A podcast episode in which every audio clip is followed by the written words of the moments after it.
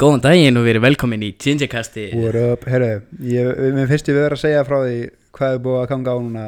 Finnst þið það? Já, þetta Ok. er in the interest of full disclosure önnur upptakan okkar í kvöld.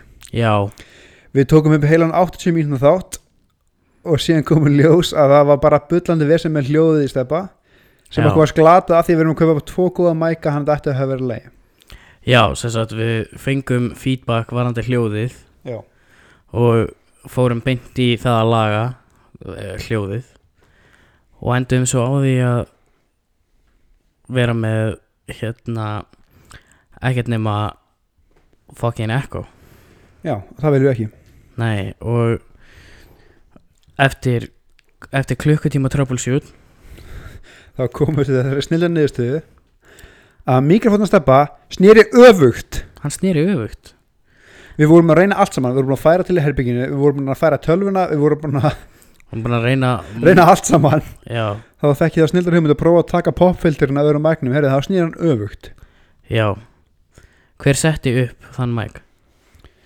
Það skiptir ekki máli, Stefán. Nei, nei, það, það, skiptir, það, við. það skiptir engum máli um, En þetta er þriði þáttur Já, velkomin í þýrið þátt.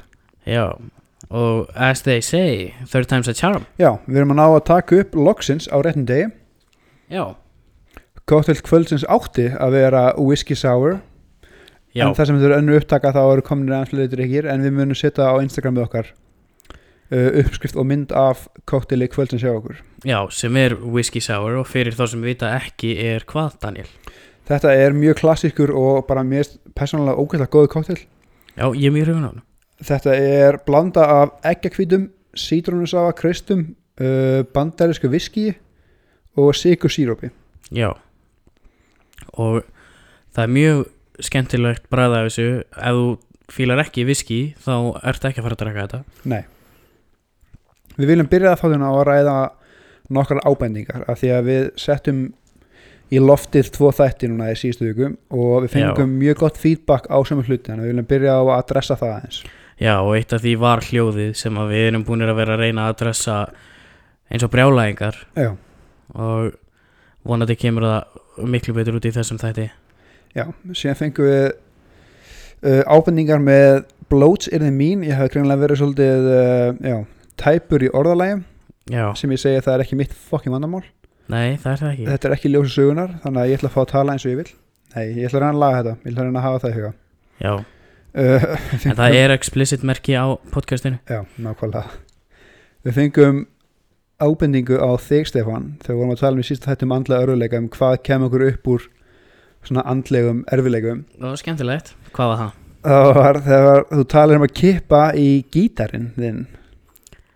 Kippa í gítarinn, já.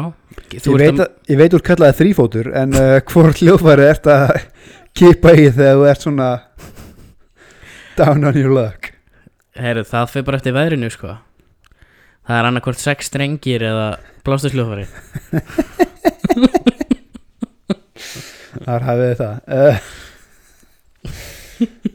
við fengum ábendingu líka varandi skal ég eitthvað segja umræðið efnin okkar. Já, og þá aðalega að þetta podcast heitir Gingercast en við rættum ekkert um uh, málefni rauðhara sem við ætlum að laga núna hér rétt á eftir. Já, tala um okkar mjög erfiðu réttindabarðum svakaleg. Síðan erum við, svona síðasta pointi sem við fengum var með lag eða svona tónlistastef í byrjun.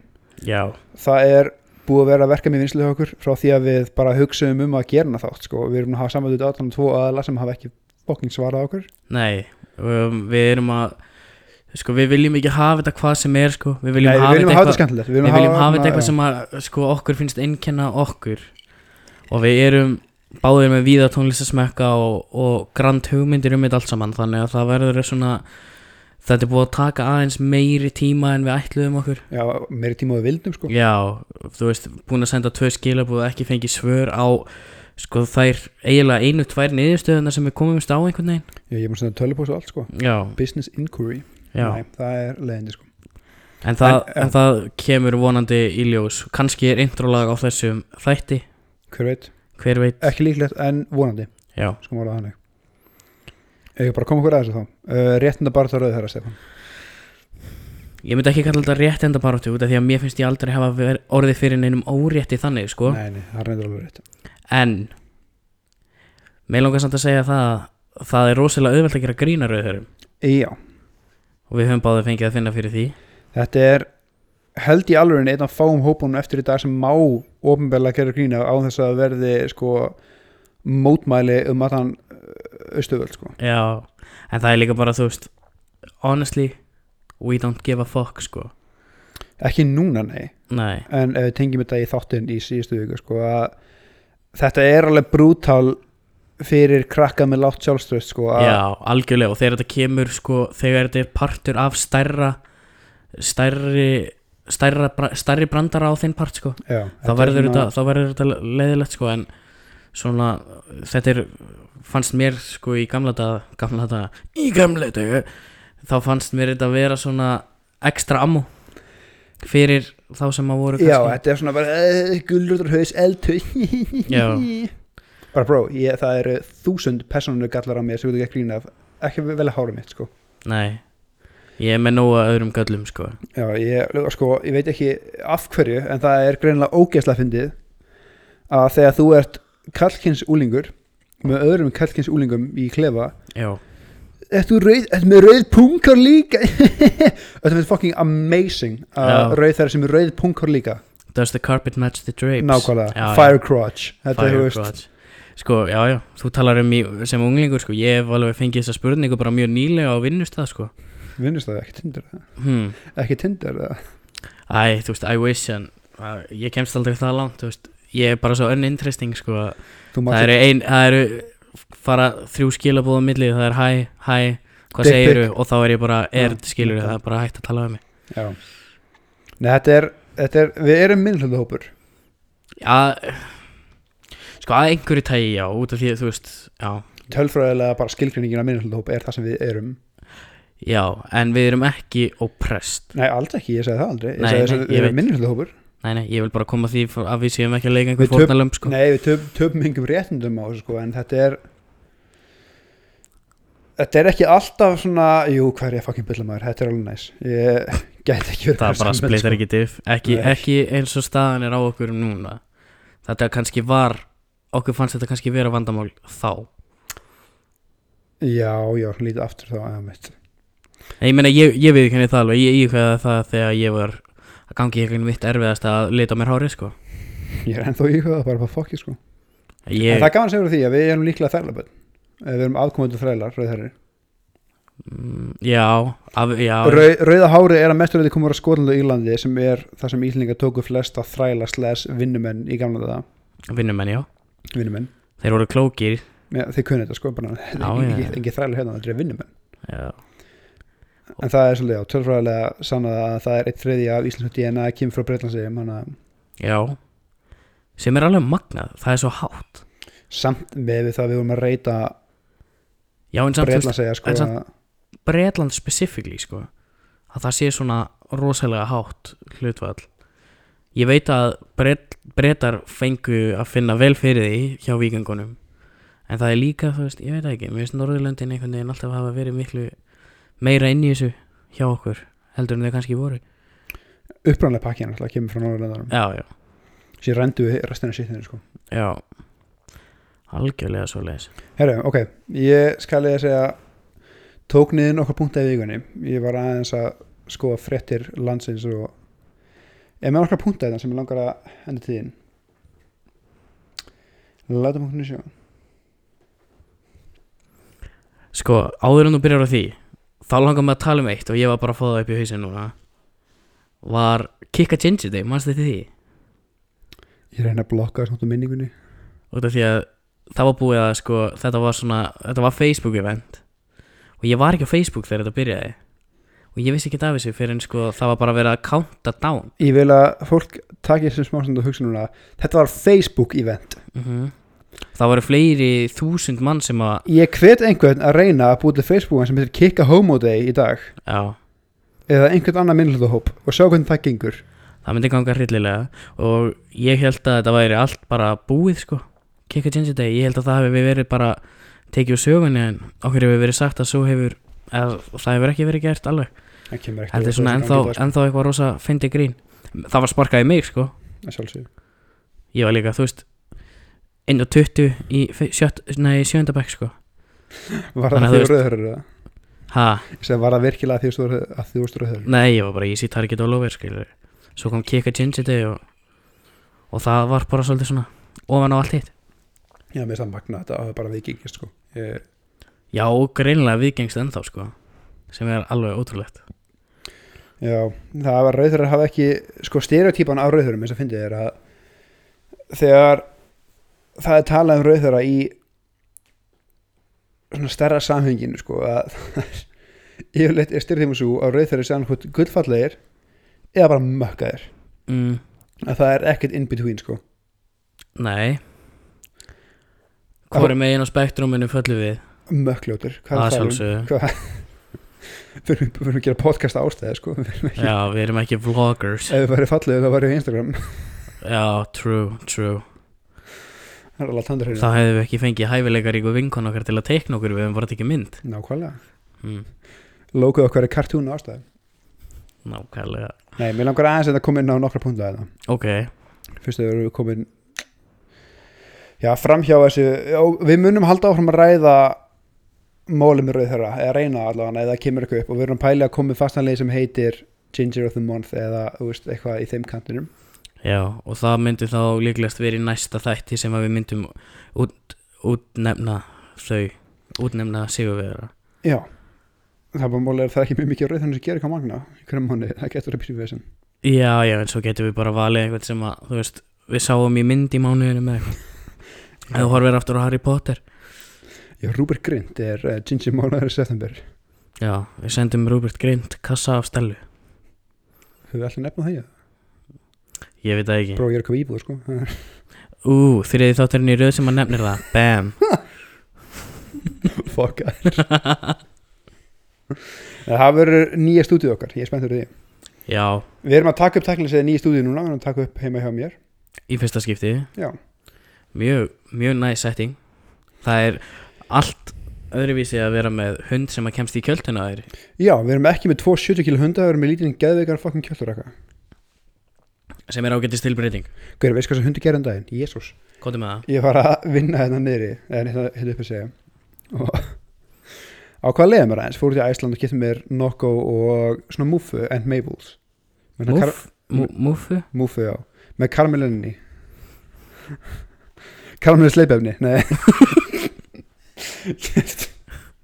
Fór til Blöss Já, uh, Nei, ég fór út í Æsland og getið mér Æta Muffu, það hljómar ekki betur Allan hana, Cupcake, ég er mér Cupcake. Muffins. Cupcake með karamell inni. Fyrir áhuga sama þá er ekki selt kynlífstæki í Æsland ekki ennþá. Uh, já og ég fekk mér, ég ristaði mér sánlöku fekk mér nokkuð með því og borðaði cupcakeið og fyrir þá sem hafa borðað þessar cupcakes ég vil ekki segja múfu fyrir þá sem hafa borðað þessar cupcakes þá er svona pappi utan að Já. Síðan fer ég að vinna bara töluna sem er frammi í fórstofu síðan ætla ég að sækja vinna í stofu, mann ekki af hverju. Þá trítlar þetta lilla kvikindi fram hjá mér með pappirinn í kjæftinum að sjálfsögðu. Hvernig, hvernig er náðan í pappirinn samt? það er bara á, þetta var hérna upp á stofuborunni sko, þetta var ekki hátt. Já, ok. Hann er flink, hann opnar hann opnar hlunni á ruslutunni til þess að kafa hún í hann sko. Já, já, hann borðar allt saman, já, hann borðar súklakökundaginn jésús já, þannig að ég er hérna reyna að ná fokkin pappirinn út um munnunum á hann og hann neitar að sleppa því. Ég er hann ekki hann á osnið, nei nei, hann bara jafnlaður svo kingdusum Frábært, já, vel gert. Ég skil, þetta er ekki stór hundur en hann einhvern veginn að halda pappirinn í kjæftunum á sér. Nei, þetta er ekki stærsti hundur sem ég sé magna kvikindi sko. Já, þær eru það flestir hundandir Við elskum hunda, Gingerkasti elskar hunda. Að mesturleiti, nema chihuahua, þú maður fokka þér Wow. Ammo afi eiga chihuahua. Því meir, já, nema, já, nema þau. Hundur þurfa ekki ekki þér já. Pluto er aðeinslu Það mest ekki heldur ekki sem þú finnur sko. Já. Er það, mér lukkar að koma út inn á eitt. Ok, Íslensk ungmenni kunni ekki að drekka. Hot take ekki hot take, ice cold take ég er mjög sammála þessu. Og það eru nokkrar nokkrir faktora sem að staða sem að staða að þessu sko. Mér finnst áður en að þú og ég veit að þú ert sammála með, þetta en um, lækkum bara lögaldurinn svo að það sé hægt að kenna þessu liði að drekka áður en að fyrir að kaupa sér landa. Ég veit ekki hversu mörg partí það er að fara í þar sem ég sé fokkin Smirnoff rauða og reitt Fanta. Já, hversu flóki er bara að ná sér í þú veist ég, eins og þú veist kannski, ég er mjög mjög kóttil áhuga maður já, þú veist, þannig er enginn að gera þetta eins og þú. Nei, en það að blanda sér í almennlegan drikk versus að blanda sér í eitthvað þetta er ekki að sama. Og bæða, ég, ég skilða algjörlega ef þetta að halda ef þetta með fyrir partí fyrir mennskóla ball sem er reyndar ekki lengur af COVID en ef þetta er að halda stór partí og vant bara blanda eitthvað til að drekka, jú, fæn það var þetta geggja val, en Mm. úst, ef þetta komið eitt eigið áfengi þú kaupir vodkapela og fantaflösku, þú veist jú, jú, þú, getur fært rauk fyrir því að einfaldlegin sé, nei, það er ekki miklu flóknara að búa til aðra drikkir að búa til fanta í vodka sko. Nei, en svo er þetta bara það, ég held að fyrsta lagi fólk nennir ekki að standa í því að og, þú veist, finna sér almennlega koktela og í öðru lagi ég held að þetta sé bara mm, þú veist, rautt fanta er ógeðslega gott þannig að það hlýtur að vera ógeðslega gott út í áfengi, nei. Eðst, jú, það er það, en Mér það er svo margt sem er svo miklu betra. Já, algjörlega, en ég held að þetta sé líka pínu þannig að fólk nennir bara ekki að prófa neitt nýtt veist, þetta, veist, þetta er bara svo easy og bara blandar pínu vodka út í Fanta Exotic og þykist vera gett fullur þegar þú fara á busaballið skilur Nei, sko, ég alveg að tala bara fáðu þér, köftið er bara nokkuð læm fáðu þér kaftan morgan í staði fyrir Smirnoff. Ekki gera það. Jú. Og já, þú ert búið til sigursýróp eða eitthvað þá ertu komið með geggjaða daiquiri sem er alltaf svolít, miklu bara betri miklu betri. Og Já. fokka er ekki að mikið upp og finnst, finnst okkur sko? Já, ég veit gin og tónik, gin í greip köftur bara ekki svona að kaupa þér verðileg greip köftur eigils greip og blandaðu góðu gin út í það, það strax miklu betra en gin og greip í dósinni. Já, en sko aftur að þessu, ég held að fólk nenni fór ekki að standa í þessu. Þetta er svo, þetta er svo auðvelt bara að kaupa sér 2 lítra af Fanta og, og þú veist 400 millilitrar pela af að 500 millilitrar pela af þú veist, Finnlandi eða Smirnoff eða eitthvað. Og blanda það og drekka það.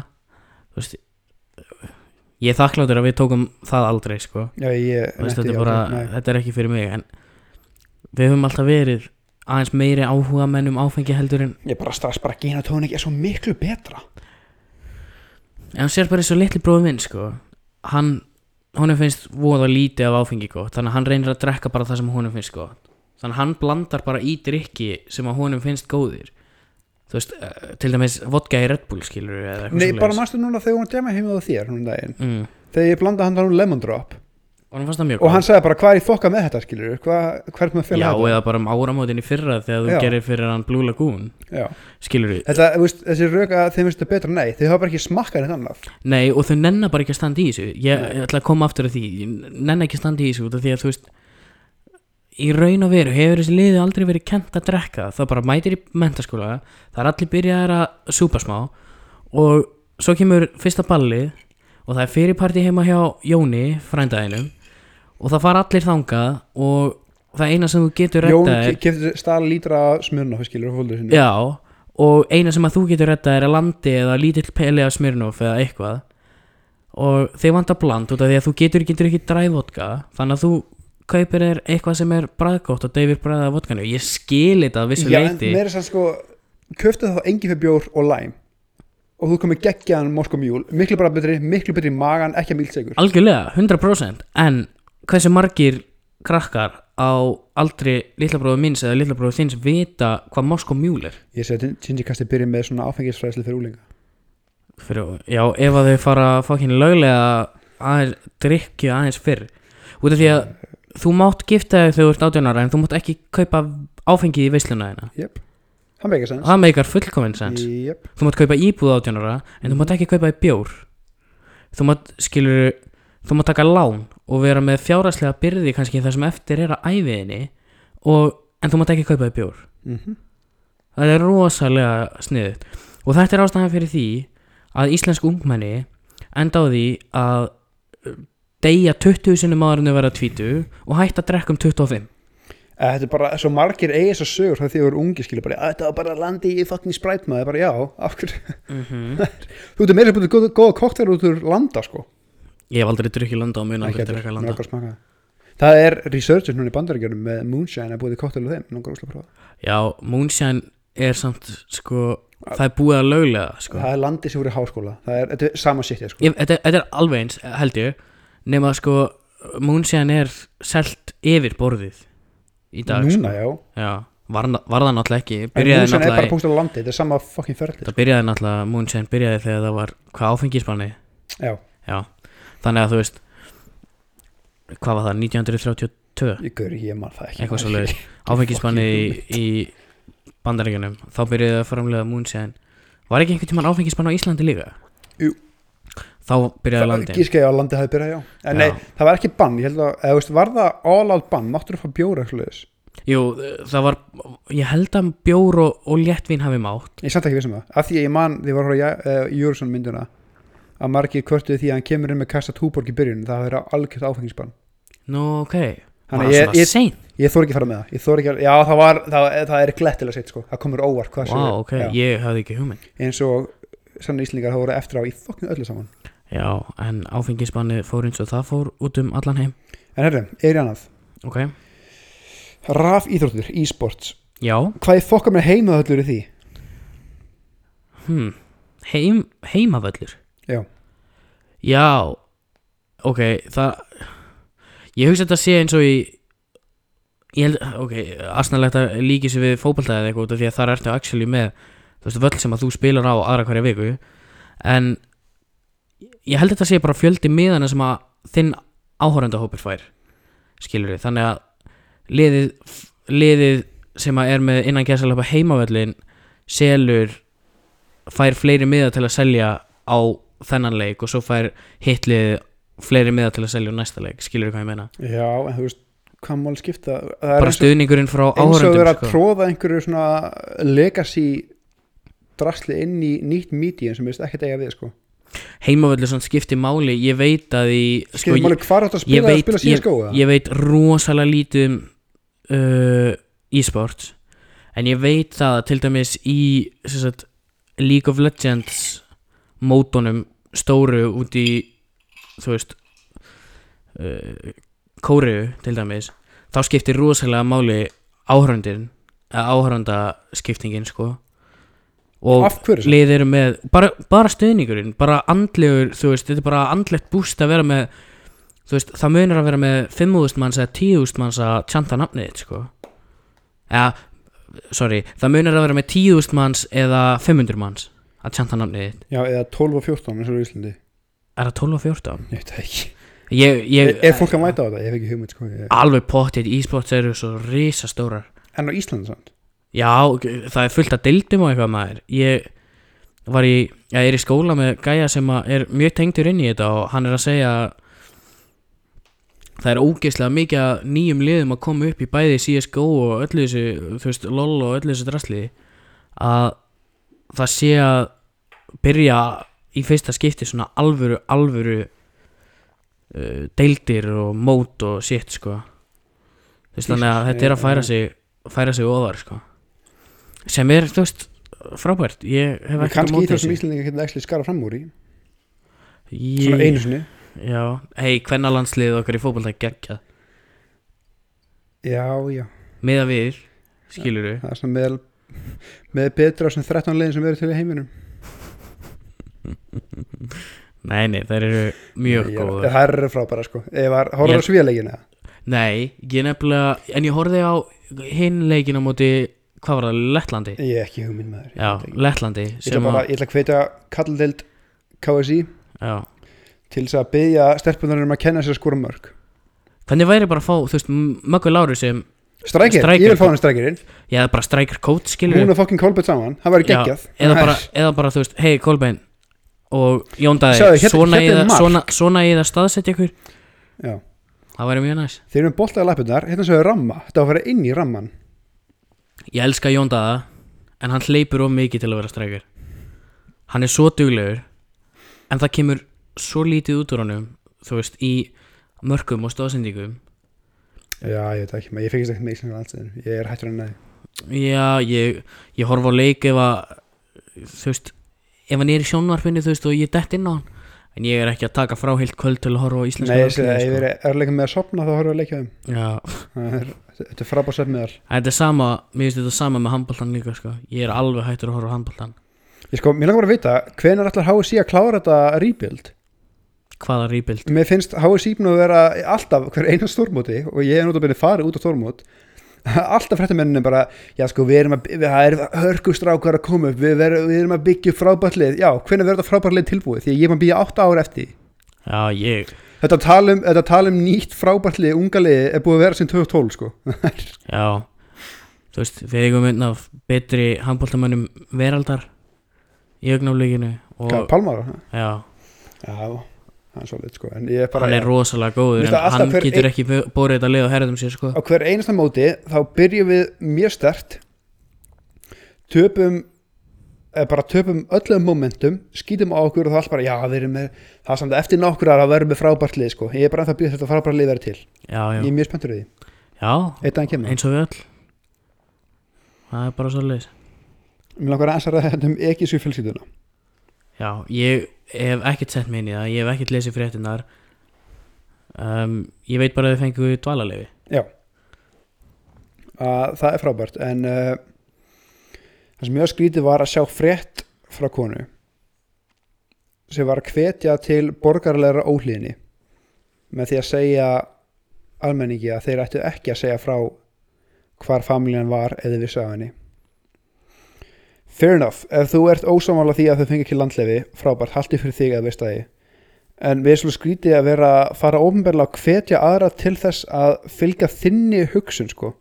Þessi, við erum svona skrítið um hugsun í samfélagin dag og sérstaklega í Íslandi núna að ef þú ert ósámála einhverju að það gefi þér ástæðu til þess að brjóta lögin sko. Já, ok. Að það, jú, þú getur verið ósámála einhverju og líka illuð eitthvað en þú býr samt í landi með ákveðnum lögum sko og ég er ekki að segja að ég hef viljað sjá þess að familíu reknum landi, ég er mjög ánæður að þau hafa fengið landasælefi sko. En þú ert ekki ósamálega því sem Nei, þú ert ekki samálega sem þessi kona gerir nei, Ok, af því að ég er heldur ekki sammála pólitísku landslægi en ég er ekki hvetja fólk til þess að kveiki fokkin í alþingishúsinu sko. Ok, ekki alveg sambarilegt en ég skil hvort að fara. Já, um, Ok, en uh, er, er þetta ólöglegt? Það er mín stóra spurning í þessu. En þess að ef þetta er bara svona frowned upon að illa séð að segja ekki frá þá finnst mér þetta kannski minna máli en ef þetta er actually ólöglegt að vera að hýsa það er það held ég. Það er held ég ólegt að hýsa Já, ok. En Þú veist, já, ég get ekki sagt að ég veit neitt um þetta en ég er allavega af því sem ég veit sem er mjög- takmarkað þá er ég mjög ánæður að þau hafi fe- fengið dvalarleið sko. ég er bara að vita hver í fokkunum faldi þessi fjölskyldu. Já, þetta er sex manna fjölskylda. Já. Hvernig felur þau hana? Ég, geymur hann einhverju geymslu eða hvað þú veist? Nei, ég tekur enginn eftir því að Jónatan á neðrahæðinni er hérna með sko sem kaupir bara kattafæði og fiskafóðu sko. Mætir allir með tól kjúklíka heim. Er enginn sem spyrir þetta spurninga um það? Ég varst um að Jónatan á fyrstu hæðinni sé að fara sé að fara að hýsa sex manna fjölskyldu en ég hugsa að það sé auðveldar að fela að þú ert nú þegar þú veist, þykja fjöra manna fjölskylda. Samt ekki sko, það hlýtar einhver á að fylgja þessu.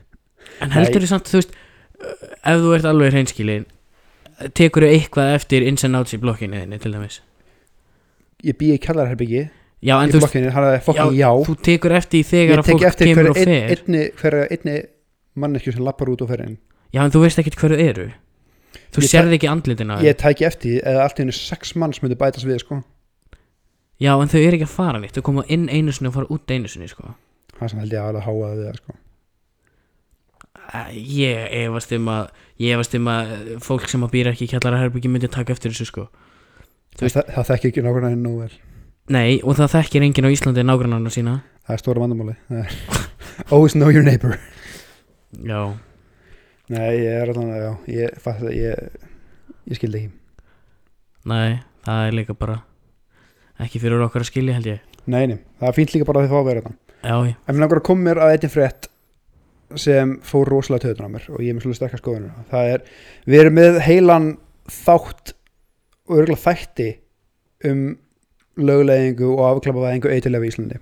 Já, sem að við komum að svona í fulli setna Já, við erum með mjög stakka skoðunir á þessu. En það var í fréttu núna nýlega íslensku gæi sem held ég alveg að hafa verið lamað fyrir neða mitti, ég þú ekki alveg að fara með nákvæmlega hvað var að honum so to speak, Ok, en hann kom frá viðtölu og sagði að hann hafi notað ofskynnarsveppi til að lina sína þjáningar bæði andlegar og líkamlegar já, sem ég er mjög hlindur en síðan gerast það sem gerist alltaf á Íslandi að þegar kemur jákafrættum eitthulif þá þarf einhver að stíga fram sko og tala neikvætt um það til að balansa einhvern hræðsláður sem hefur engin rök við að stíðast mæ, og venjulega, það, þegar það gerist þá er það einhver svona miðaldra aðstofar deildastjóri sem hata lífið sitt sem eru aldrei komið nált eitthulifum og eina sem hún þekkir eitthulifum er að þegar gugga frænka sýstur ömmu mákonunar komið einu svona nála gæja sem hefði reykt gras og hún sprakk á staðinum það er hennar svona, já, það er hennar það er hennar reynslað af því. Já. Já, já, þess vegna var ég mjög svona svektur en ég gæst að sjá frétt með titlinum að sveppir verið döðans alvara. Og að sjálfsögði smelti strax á hana. Já, og þá var þetta prófessor við læknaskólan nei við læknaskólan, þá var þetta prófessor við Háskóli Íslands, læknadildinni Prófessor við, við læknadöldina segir. Já, prófessor við læknadildinni HÍ og ég ákvaða að kynna mér ekki af því að ég vildi ekki alveg koma kjörlega kaldur með mína skoðanir og ólít hólum við viðtalinu grunina en uh, þetta er maður hann með Pétur Henry Patterson skils mér. Og ég rannsaka hann aðeins. Hann er með doktorskráð frá Yale. Facebook stólkað er hann. Nei, nei, nei, nei, ég LinkedIn stokkaði hann. Úff, tvent ólít nei, ég skoðaði aðeins bara, já, fyrirlands og af því að venjulega þá er þetta svo ótrúlega þetta er bara fólk sem veit ekki hvað er að tala um sko. En þessi gæði virtist vita hvað er að tala um. Ég segi að hann er, hann er dósent í HÍ lækndeldin, hann er einhver tögasérfræðingur já. Og hann fekk doktorsgráð frá Yale. Og ég gróf upp doktorsríkjar hans á síðu Yale. Og kom í ljós að hans ríkja, eða doktorsríkjarð var um einhvers konar erðaefni í spendýrum. Hann er bara um erðafræðin rúlega Ok, og síðan skoði ég líka bara að það til síða á vísnavefnum um hvað hann hefur rannsakað og hann greinilega er að einblýna svolítið á taugarhrörnuna sjúkdóma og þeirra áhrif á heilan. Hann er bara MS og Parkinsons. Sem er mjög mikilvægt að vera já, og hann virðist alveg að vita hvað hann að tala um en uh, við getum báðið að vera saman um það að hvoruður okkar er sérfræðingur um áhrif sveppa á heilan. Nei, jú, jú, hann er nærði en ég já, en þetta er ekki hans sérsvið. En ég, já, ég las alveg fréttina og ég horfði á viðtalið og með fullri vinningu þá fannst mér að koma ótrúlega ég vil bara segja asnalega að þessu. Hvernig þá? eins og, ég veit ekki að hann hafi sjálfur verið svona móti eitthulum og það hafi verið bara persónulega skoðun sem hann nýtti sína stöðu til þess að tala um sko. Ok, eða hvort hann hafi verið ítt í þetta, ég veit það ekki. En og bara hafði í huga að fréttin sem hann er að tala um og viðtalin sem hann er að tala um er um kallmann sem notur á afskjörnuseppi til þess að lína sína þjáningar og hann er að aðstofa aðra að komast gegn fyrsta trippið. Og hann byrja viðtalið á að tala um einhverja hættuklata gæja að týna sveppu umferðaegum og það sé ekki málið sko. Nei, sem kemur málinu ekki neitt við. Nei. Síðan fyrir hann að tala um það að það er kannski ekki mjög sniðut að einhver ófaglærður sem er gangi gegnum þetta með fólki sem er alveg hárétt Já, já, já, en þú veist, samt sem voru hann gæðin sem er að taka seppina veit alveg hvað hann er að tala um held ég alveg sko en, Æ, ég meina þú veist, hann virðist að einhverju leiti vita hvað hann er að gera. Já og síðan kemur hann inn á punkt sem er alveg háréttur að þetta er mjög lítið rannsakað. Já, og hann sagði sem er líka rétt að það hafi verið margar rannsóknir en mjög, á mjög litlum skala. Og sumar hafi verið gera rétt og sumar hafi verið gera vitlust mhm. En það sem ég fannst að gleyma svolítið minnast á var að þessar rannsóknir sem hafi verið gera rétt og ég gæti ekki sopnað eftir að lesa þetta sko ég leitaði að þremur rannsóknum einn þeirra við John Hopkins sem er eitt virtasti skóli í bandarækjunum eða lækniskóli í bandarækjunum og ef ekki í heiminum bara. Mm. að það var rannsakað um áhrif psilocybin sem er virkað efni í sveppum á einmitt geðræn vandamál Já, eins og kvíða þunglindi það fundist engin tengsl milli psilocybin og uh, geðræna kvilla sem voru ekki undirleikandi það er að segja að það fundist engin tengsl með þess að taka sveppi og allt í einu það myndi kvikningi gessutumar það var alltaf undirliggjandi sjúkdómar. Og ítti kannski undir undirliggjandi sjúkdóma. Ekki einu sinni, það var bara að tala um það að eftir köstin, so to speak væri út af fyrirliggjandi kvillum en ekki út af sveppunum. Já, ég skil. Þannig að það var engin, enga rannsókn sem bent til þess að það væri eitthvað slemt fyrir einn venjulega mann sko. Nei. Þannig að, og það er líka, þess að hann segið það viðtalina þetta hefur rannsakað og sumt getur rétt og sumt getur ránt Mhm. en ég hefði haldið að maður eins og hann sem á að vera í fremstu výlinu vísinda sem held ég sér auðluslega kostina við að nota þetta efni til þess að bara meðhendla þessa kvilla myndi tala þá kannski aðeins kannski ekki fallegra en bara rétt að raumi það já, og ég hefði líka haldið bara að að því að það búið að sína fram á að þetta sé ekki slæmt í litlu skömmtum það mætti þá afglapa við þetta þannig að hættir að rannsaka þetta á stærri skala. Já, en nei, nei, hann ákveður að enda við til að segja að sveppir séu dauðans alvara. Nei. Nei.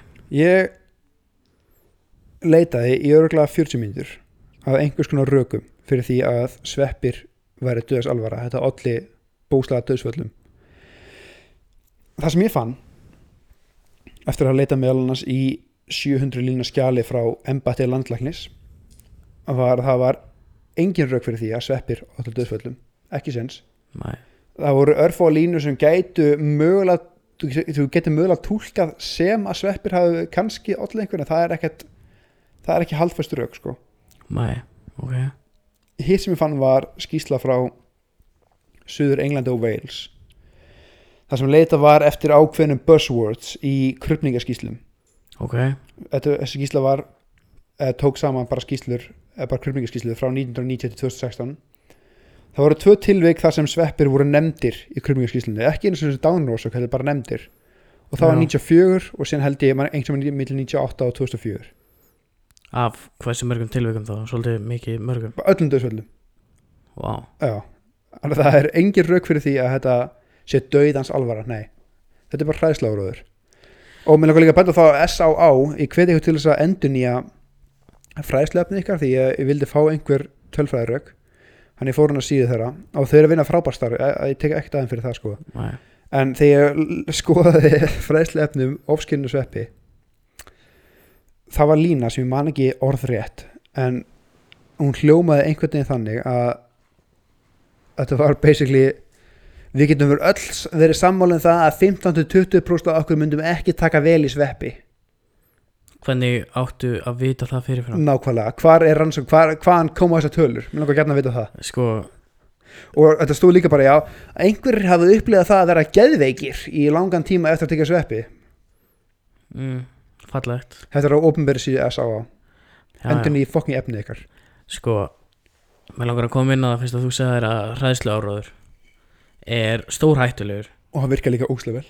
Já, út af því að hann er rosalega góður í að koma fólki sem að vill trúa öllu illu um hitt og þetta í svona algjört algjört attack state sko. Þannig að þegar það kemur frétt um eitthvað þá ert þú sko þá ert þú sko með í byssupókanum þínum ertu með helling sem að þú getur hent út sem að er partur af einhverjum hræðsla sem að þú hefur lesið yfir tíðina? Líka hræðslóður málið er að það hræðslóður gerir þið kleift að fylgja skoðunum annar í stæðan fyrir að mynda þinn eigin. Og það er alltaf auðvöldara miklu öðra, alltaf öðra að í staðan, fylgja skoðum í annar staðan fyrir að ég veit ekki lesa þið til og sko mynda þína eigin skoðun út frá eigin þú veist eigin heimildasöfnun og, og alls bara konar. ein rannsókn já, bara aðeins að þá skoða? ertu þá ertu komin út í það að stundum kannski bara að lesa stundum kannski bara að lesa fyrirsagnir og fyrirsagnar segja eitulif, vond. Jep, og þá trúir því bara. Og þú bara kaupir það þú sleikir það upp á disknum og auðvitað geta þau verið það. Og þetta er Þess, veist, þið geta verið það eða þau eru misnóðkun en þá við um öll lif og allt bara held í heiminum eða þú fer, nota það ekki rétt og ferð illa að því þá ertu að fara að fokka þér upp. Já, en þetta er algjörlega þáttur út fyrir sig. En við vildum aðeins koma inn á, inn á þetta núna fyrst þú fannst þessa frétt. En hræðslega áróður er stórhættulegur og hefur verið notaður í gegnum tíðina bara sem svona brainwashing equipment sko.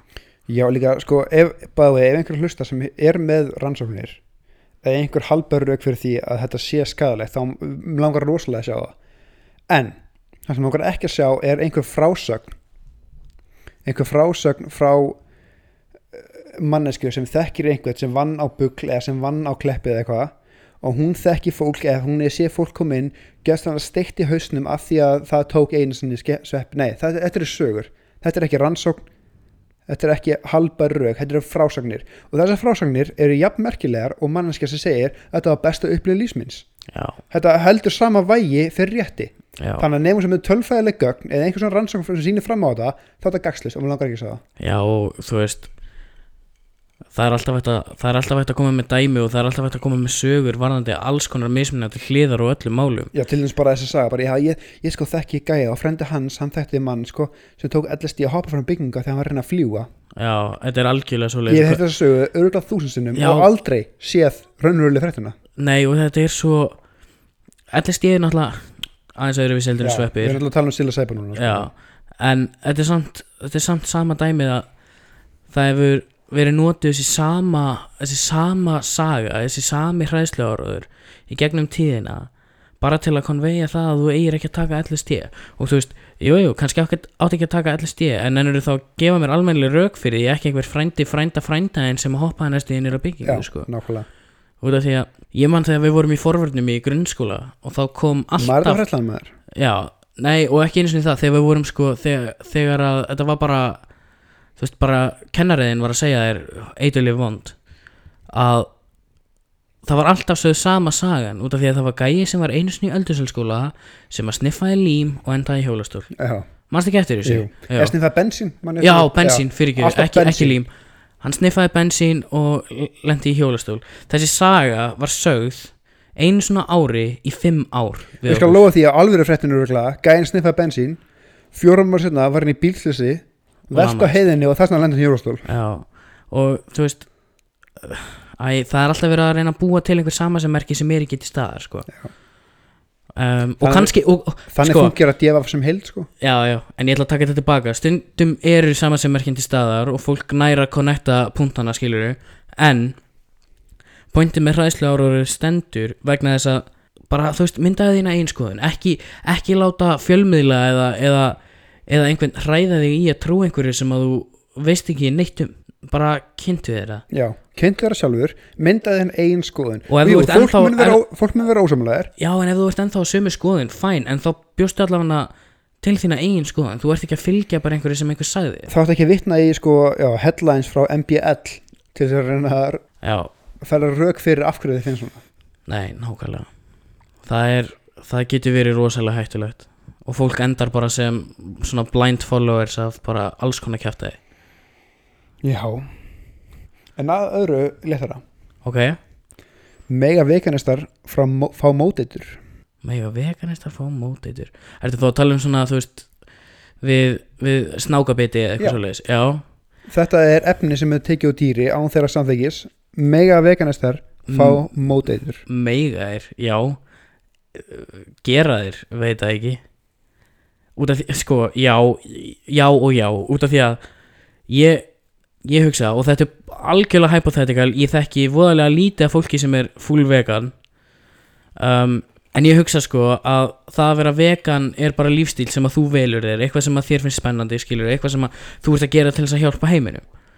Og það er allt gott að blessað. Um, svo ertu lappandi gegnum Ástralíu og þú ert bitinn af einhverjum snák út af því að þú steikst inn í stræksónið og þú veist það er bara annarkvort að fá móteitur eða deyja.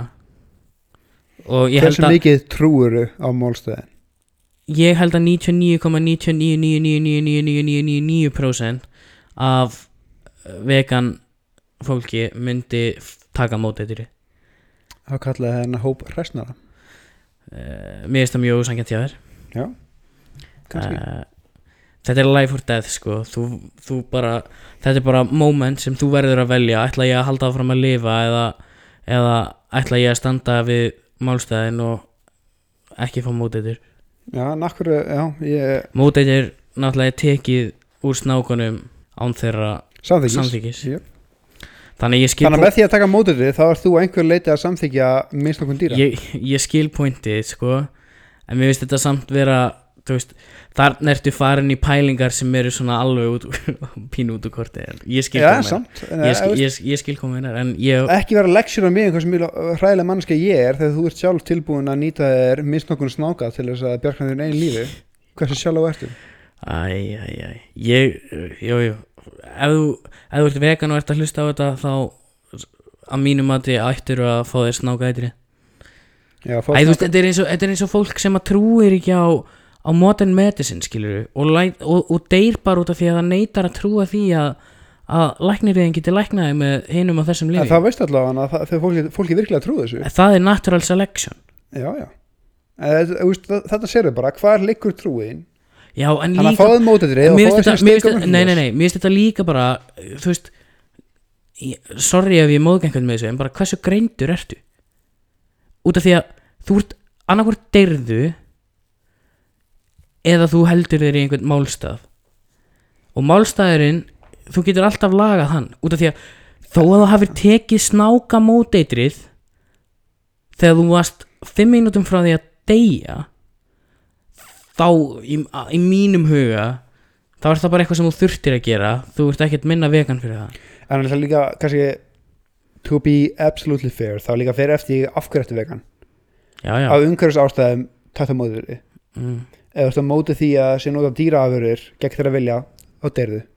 Af því að þá ertu hræsnari að tegðu því. Ég er ekki samanlega en við, við en getum með því að taka á móti þér þá ættu að segja bara ég er, sam, ég er samþyggi ákveðina misnokkun á dýrum. Já, en þetta er samt, þú veist punkturinn er það að þetta er life or death. Þú hefur kannski mínútu til að ákveða þig annars ertu bara döið Já. en þú samþyggi samt misnokkun dýra. Já, já, ok, ég, við erum bara að Já, vera ég, bara, ég, ef, ef, ég skil hvað meinar já, sko, ef en ég er ástæðan er því að þú móti því að þessi nýta dýraafur gegn þeirra vilja hversu djúft næri þessi trúðin alveg þanga til að þú deyrið út af henni. Það finnst mér að vera bara fullkomlega lógist sko. Já, kannski.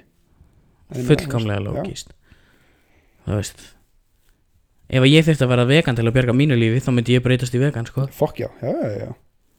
Og ef ég myndi þurfa og ef ég myndi svo þurfa að býta í kú til þess að bjarga mér þá myndi ég gera Já. það líka. Þannig að þú veist, ég ætla ekki að fara að sitja hérna og segja ég myndi aldrei taka snáka móteitri snáka móteitri alveg sama hversu Ég tek allan daginn. Já, þannig að það er bara svolítið svolítið En að skemmtilega málumum OnlyFans á Íslandi. Úp, úp, Ég rakst á mjög skemmtilega þráð á Reddit. Kannski áður en við byrjum fyrir þá sem vita ekki þá er OnlyFans svona myndi maður segja klám Þetta er basically eldum rétt nema að þetta kemur píka í staðan fyrir matur. Eða tippi. Eða teipi og þú borgar fyrir mánaðalegt svona subscription og þau geta verið allt að 50 dólarum held ég. Ég það kemur ekki á orð sko. ég sá að það var fréttum um, hvað heitir hana fræga leikonan sem var á þessu? Að það var fréttir út um allt á Twitter. Kara, nei, Karla Vín það var hún á þessu. Ég man það ekki, það var einhver það var einhver rosa fræg stelpa sem að fóra á þetta og rukkaði fólk sko 200 dólarar per áskrift og, og OnlyFans breytti því bara neyri 50, 200 er bara Nice. rugg sko, hún græti, græti miljón dólar á einum degi á OnlyFans. Ég sé við okkur með OnlyFans fyrir Disneykarti já. Hitt us upp í á Instagram at, Tal, Talandi um at gingerkastið á Instagram við viljum sjá OnlyFans Já, nei, ég rakst á mjög skemmtilega þráð. Það sem var að vel, velta fyrir sér um uh, skattmál uh, OnlyFans á Íslandi. Þarftu að setja vask á þetta? Og hvernig, í hvað skattir er bertu sko, Er þetta verktaka að vinna eða ekki? þetta er verktaka að vinna 100% Með stannabla Þú veist, hvað er þetta annað? Veist, þetta, er ekki, þetta er ekki hobby. Ég komst að því að sko það er ekkert að vera skatt. Þarf ekki Hann hefur settur á, á af OnlyFans í því landi sem það er að hósta sko. Þannig að þegar þú borga þá ert að borga vaskinn til þeirra raunverulega. Já, já, já, þannig að Only, OnlyFans tekur einhverja prósentu af. Já, ok. Og síðan fyrir eftir hvort þú, hvort þú sért að sko gera þetta á fyrirtækjakennintölu eða þinni eigin. Þá kom mér að spyrja hver í fokkanum er á OnlyFans á fyrirtækjakennintölu ég var akkurat að fara að spyrja þig býtu, þú veist, er einungist aðdæðandur EHF Órigó er með OnlyFans account. Já, góðan daginn, ég heiti Karen og ég er haupuna verkfræðingur og hóra. Nei, nei, OnlyFans er frábært. Mér finnst að hafa svona Sko, Ok, sérstaklega samt, er það frábært? Já, út af Þetta því er klá með ekstra e- auka skreiðum sko. Það er Já, algjörlega og þú veist, ég Ég er ekki að fara að subscribe á OnlyFans eða ne- mesta kæfta sem ég er Nei, ég bara tímið því ekki. En En hérna Þú veist, þetta er, þetta er í alveg að skapa Þú veist, innkomu fyrir fólk sem að Já, kannski það er það alveg rétt. sem að kannski hefur ekki innkomu annar stað frá sem að mér finnst alveg frábært. Og, og hérna uh, þetta er bara að mínu er svona að minni hvað hva er hann að segja hérna? Að Ég mínu veit það mati er þetta bara verktakavinna eins og öll henni vinna? Og það er búið að vera rosalega mikið rifrildi um þetta á Twitter ef ég sé sko á milli bandaríkjamanna þú veist. Og að svona þetta er náttúrulega sex work er þeirra classification á þessu.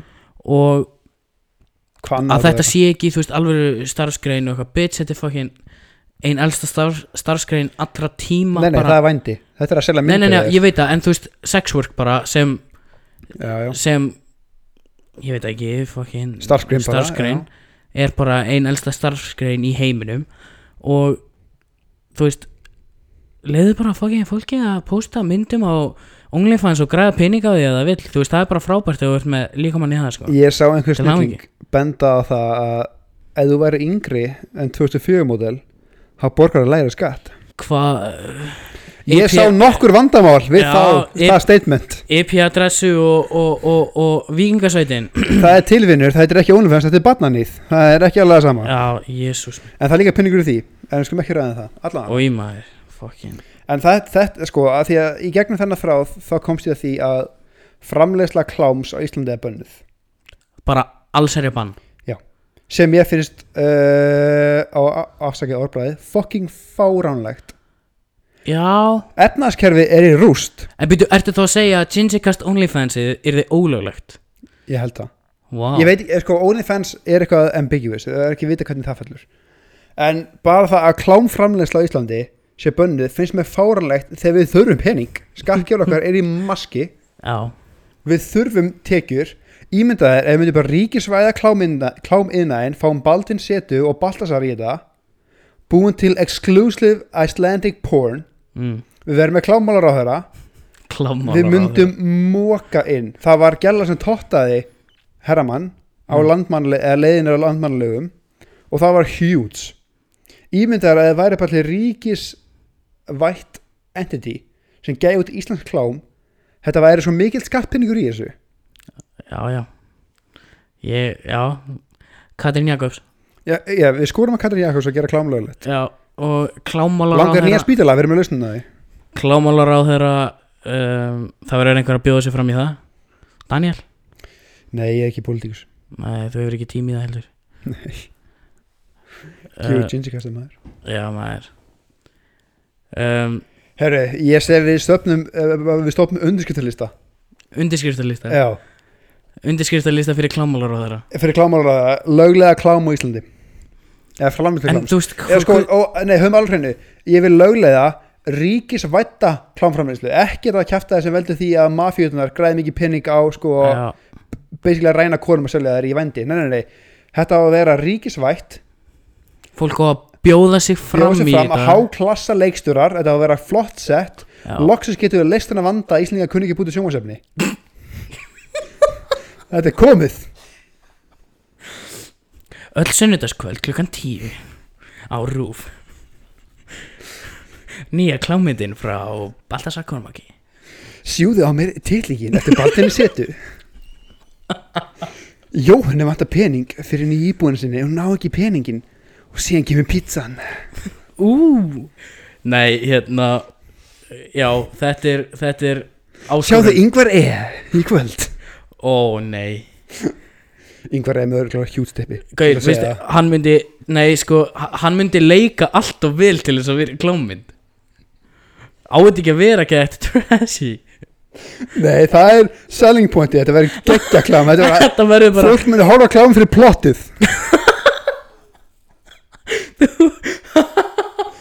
Ólaður Darri og Ingvar E Þú væri með fokkin Baltasar Kormák búin að ringi Jake Gyllenhaal að leika í Fokkin klámynda Bjöggi Haldús með saxafónut í bakgrunnum. Ég er að segja Þetta er, þetta er, þetta er win, win, win, win, win. Það tapar enginn á þessu. Klukkan tíu í kvöld Helgin með Helga Björns. Klukkan 11 Pítsan var sein Og kona veld fyrir sér Geti einhvern veginn bættið upp fyrir þér? Ragnhildur Steinun í Ég vil samt koma því að ef við, ef við ætlum að byrja með hennan undirskriftalista og færa Katrínu Jakobsdóttir þá Þá vil við ég fáum svona átján unskiptir þetta sko. Átján? Og það var ég með 17 mismundi gemil Já, en sko, það sem er búið að vera rosa mikið talking point í klámi er náttúrulega niðrun kvenna, sko þannig að við myndum náttúrulega hafa það í samningnum að það verði ekki ekki með. Nei, nei, nei, um, enga vitlasu enga vitlis Þetta er empowering fyrir bæði kyn. Já, það er, komið, það er komin tími til Já, í klámi. Um, uh, Ég get ekki komist yfir orðið klámólar á þeirra. Mér finnst það alveg frábært. Þetta var eftir svo þú starfstitil Já, þetta væri það svo sannarlega. Ég, ég segi bara go for it sko Já, þetta, þetta væri þetta væri mjög þetta væri fín peningur í, í kistuna. Já, fyrir ekki langar í göng á vestfjörðum, já, svona borguðu fyrir þið Já. Baltasar Kormakur með klámynd annað hvern sunnudag. Heyra, hann var að búta nýtt stúdíu á gufinu svona ekki? Ég veit það ekki. Við getum breytt í okkar þörfum. Sæll. En sko við 50 Shades of Grey, nei, 50 Shades of Ice, baby. Ú, hvernig Ég er búinn að sjá svo mikið um þessi sex rooms. Ertu búinn að sjá það eitthvað? Ha, ég? Ertu búinn að, nei, ég er að spyrja því alveg Ertu búinn að, ertu búinn að sjá Herbyggi eitthvað mitt um niður er alls ekki sex room. Nei, ég Nei, að, að, að, hérna getur þú leikt út herbergi á Íslandi? Í alvörinni Ég, ég sá þetta einhverstaðar Ég veit ekki hvort maður hafi dreymt Er þetta eða eitthvað. ég þarf að ringja síntalöfna En, þú veist, hvort það hafi bara verið YouTube-auðlýsinga eða eitthvað. Bara eitthvað svona að þú getur leikt þér fucking kynlífsherbergi og Mjög svolítið Gæir, hversu fucking styrla er það? Hvað er, er það róla eða hvað er fucking Ég, nei, þetta er bara, þetta er bara herbergi með fullt af leikfengum ykkur í seti. Kannski dreymdi mig þetta, ég fucking veit það ekki. Ok, En, hvað er fokk með þig að dreyma, bro? gæir, þú vilt ekki eins og vita, sko. Low key you Nei, veistu hvað mér dreymdi um daginn? Veistu hvað mér fucking dreymdi um daginn? Já, já, mér dreymt þig mar margátt, nakin líka. Um, um, Mig dreymdi bindivél. Ok, mm, bindi er fyrir hei eða fyrir hose? Fyrir hei eða nei sko svona bindivél sem að bindir kassa með svona hvítu bandi. Já, já. Mér dreymdi svoleiðis vél út að ég er að vinna með svoleiðis vél í vinnunni og hún fór svo mikið í tauganar á mig daginn áður að mér dreymdi fokking vélina hvað ætli sé og að? hvað var þið að dreyma? Hún var Geir. að þig og sín allt í nei, mætti nei, nei, mér dreymdi bara að hún virkaði. Patrick mér Ewing með dreymdi, ba mér, mér, mér dreymdi bara að hún virkaði og ég var svo hamingjusam þú, hvað ætli sé að manni? Þér, það, það er, það er þrý þú- þættir í það sko. það er the eternal question Ef fólk síst að þátt þá veitum nákvæmlega hvað er að það er Margt Mjög fucking margt Það er alveg að tanta hreinu sko.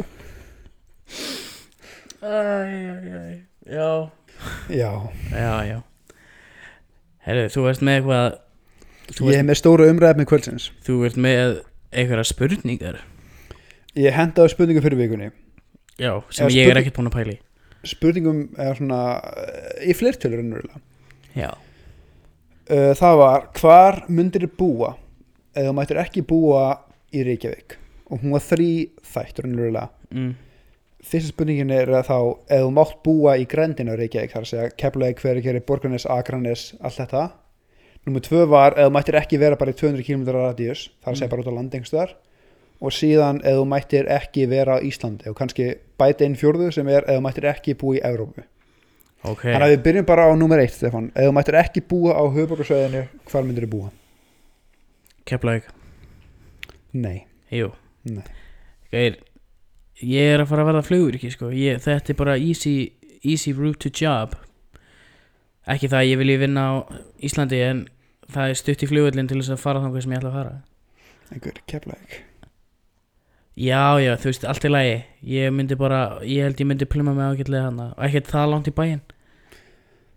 Jú.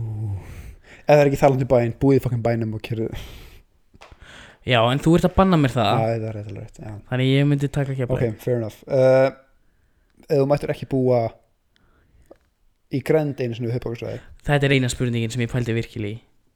Út af því að Ég prófaði að búa á Akureyri. Það var fínt í tvo mánu Ég heldur bara mjög fint í tvo mánuði já. Já, ég, ég er ekkert að drífa mig aftur að búa á Akureyri En Síðan þeir byrja að snjóða ágúst og fattar þetta sökkar Það er alltaf snjóaði nú að meðan ég var hann sko. um, Nei. Neskjöfstæður Aftur, nei, Jú. Þetta er rámt svar hér. Jú, gaur Ég þekki bara indislegt fólk frá Neskjöfstæð Og, Alla fjóra sem búa þar? Ha? Alla fjóra sem búa þar? Ég held að séu nokkrir í viðbútt sko. um, En æ, þú veist, þetta er indislegt fólk og, og þau tala svo vel um að vera þarna og uh, svona, það er einhver svona samheldni sem að mér veist svo óbúslega cool við þetta að ég held að ég held ég myndi fíla að búa á neyskjöfstæð Nei, Jú Jú, öruglega Frekar heldur en Þú veist, það var allan að fyrsta sem að poppa upp í hausina mér þegar ég laði spurninguna sko. á neyskjöfstæður burt sér frá því að fólk tali vel um þetta Hvað er þarna sem langar að úst, Af hverju langar að búa þarna? Sko, ég bara hreinlega hef ekki svar fyrir því, sko. Ég held að það væri bara gaman, gott að búa hana. Og þú veist, ég þekki æðislegt fólk hana. Að, Kanski talaði vel um það út á fyrir ekki Stockholm syndrome nei, það er nefnilega, ég get dýbanka það strax út af því að þetta er allir sem að fer annar staðar í skóla. að segja af hverju að fyrir annars staðar skóla Út af, Þetta býra fucking nýskjöfstæð já, já, en þú veist, það er líka bara allt í lagi. Nýskustæður þarf ekki að vera, þú veist, menta höppið á Íslandi, sko. Það þarf bara að vera. Nei, það verður það það það aldrei, yngur aukur Nei, nei, þar, þarf heldur ekki að vera En, já Það er mitt svar, mér er alveg saman hvað þú segir. Ah, okay. er, um, En ef þú þarft að búa utan Íslands? Utan Íslands, þá myndi ég líklegast sko Ég myndi örugglega ekki taka Norrlöndin Og það ég myndi vilja fá kannski svona a- algjöra algjöra kultúrbreytingu sko. Um, Ég hefði, ég væri til í að fara flytja til Liverpool.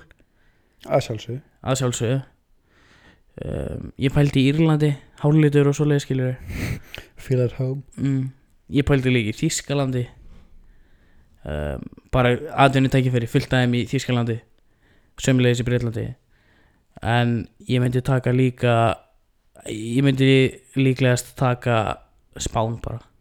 Af hverju spán samt, gaur? Gauir, ú- út af því að það er bara næs að vera á Spáni sko. ég myndi en örglega sko, þurfa að halda mig inni Spáni? 80% af tímanum. Hvar á Spáni? Vilum Madrid, Katalóníu Nei, ég myndi, ég, myndi, ég myndi vera svona austurströndinni. Þú veist, Þekkir einhverja þar að- Það Alicante er ekki austurstendin, það er suður. Nei, Suðaustur hotnið já ég er að segja það. Veist, þetta er svona suðaustur Meira austur ekki? Jú, ég veit Já, það er sem Nei, þú veist, Alicante, Torrevieja, allt þetta shit hann maður Alltaf saman shitið Já, Heru, næ- Ég ætla næs að vera hefða þarna. Hendaði fjórðu þetta uh, Eða mættir ekki búið Európu Sko Evrópa Fyrir utan Evrópu? En þú veist, ég veit ekki, Kanada bara. Það er ekki bandarækin Ég ætla ekki að flytja til bandaríkina Þeir sem að þekkja mig vita það. Uh, Jú, örgulega Kanada. Ég held að Kanada sé fín land til að búa í maður. Þú veist, ég, ég hef í rauninni ekkert annað svar sko. Ég er ekki að fara Ég veit ekki, ég held ég myndi ekki pluma mig í, í Asíu. Einfallega bara vegna þess að ég held að Mitt capacity fyrir því að læra tungumál eins og staðan er núna er bara núl sko. Þú veist, akkur ekki, veit ekki, Argentína eða Brasilia, þú, þú elskar fótbolta akkur ekki að fara einhverja mekku? Sko Ég veit ekki alveg með eh, Argentína og Brasilia Þetta er bæði, þú veist, í Suður Ameríku Það er ekki tölum mikil enska Og við erum að vera Við erum að reyna að vera svolítið raunsæðir hérna. Og ég get ekki sagt að Ég myndi geta pikkað upp, þú veist Portugalsku í Brasilíu eða spænsku í Argentínu á no time og pluma mig, sko. Og veit það ekki. Ég veit ekki, nei, ég held ég myndi frekar taka Kanada sko. Já, kannski. En jú, jú, væri mjög gaman að búa í menningunni í Brasilíu eða Argentínu sko. En Já, já ég veit ekki alveg með það fyrir mig persónulega sko. En Daniel minn, hvað myndir þú gera? Sko Ef ég mætti ekki búa að höfbóksann sjálfu Já, þá held ég að ég taki annað Borgarnes eða Hverageri Borganes Já, Borgarnes. Borganes Sko, Nei, ég held þú vitir ekki alveg hvað þú hefði sagt. Þú sagði Borganes Borganes, ég er með rauk fyrir báða. Ok. Ég hef kert mikið borgarfjörðin út af vinnunni minni og líka kert mikið austur út af vinnunni. Hverageri er einfallega að því að finnst þægilega væp á Hverageri en Selfossi? Já, Þetta ok. kort er sem tekur milli, eða tímyndur milli Selfoss og Hveragerðis er hann nóg fyrir mig til þess að vil ekki búa þar? Ok, og fastningaverðið finnst mér ekki eitthvað stórkostlegt það sko. En óslega þægilegt að vera eitthvað þar að það er grín dikkrættir þetta sko. Mm. mér finnst óslega næs væp í hverjarkari ég vann þar í viku það er svona róleg heitt og virðist vera bara næs umhverju að búi ok. Og þú ert í skotfæri við heiðuna engastundi yfir. Er- þetta er svipað að búa á völlunum eða úst, á áltanisinu, Ok, lengdin. 5 tímínútur pluss eða mínus. Í bæinn? Já. Þú ok, þetta fer svolítið eftir hvar á vinnur. Já, en þú veist, ég, já, ég sé svolítið hverjarkari en uh, Borgarnes. Af, já. Stefán, Borgarnes er happiness hlusta á Maka Mix. Nei, það er ótrúlega fallegt svæði. Ó, það er svo, svo, svo fín þó falleg fjöllin þar Það er svo fallegt. Ætla þú að segja mig það Daniel Már Guðmundsson að þú myndir velja þér stað til að búa á út af því að það er svo flott þegar ég labba já, út. sko, ég er borgarotta by heart, ég hraði viðkjörnum það en ef ég má ekki búa þar, fuck it, það velja staða sem er fallegur og Borgarnes, ef þú velja þetta staðana þá er óslega falleg þar, ég var, veist, ég var á Hvanneri í viku og Vá. Fokka Fattingaverða er ekki ekkert Ég er, þetta er alveg nógu nála bænum til að það er þægilegt En ekki það nálægt að ég get ekki unnið að heiman Raunverulega. Ok, þetta er nógu nálegt til þess að þú getur farið í bæin eða vantar eitthvað Já. en þetta er ekki nógu nálegt fyrir fólk til að nenn að koma Og heimsækja það er líka nógu mikið að úst, þetta er, þetta er viðkomast að svo margra þegar þeir eru að ferðast norður og ferðast söður skilur að það er alltaf hvað að gerast þarna. Gerast þú ekki gerast, ég meina þetta er það, bara er fólk svolít, að það, er þetta er bara, þetta er bara fólk að fá sér að borða á einu einum sko. það er vínbúða þarna og það er matvörubúð sem er selur örugglega Fever Tree Tonic sem by the way, er sem ég hata á landsbyðina það er ekkert í klakar, ekkert í gott fucking tonic. Þannig að það, eða það verður landsbyðina ég fer, ferðast svolítið mikið innanlands í sumar. Ég fór á Ólasvík, ég fór norður ég fór söður ég veit ekki hvað landsbyðin hefur á móti fucking klökum og góðu tóniki en það er hræðilegt.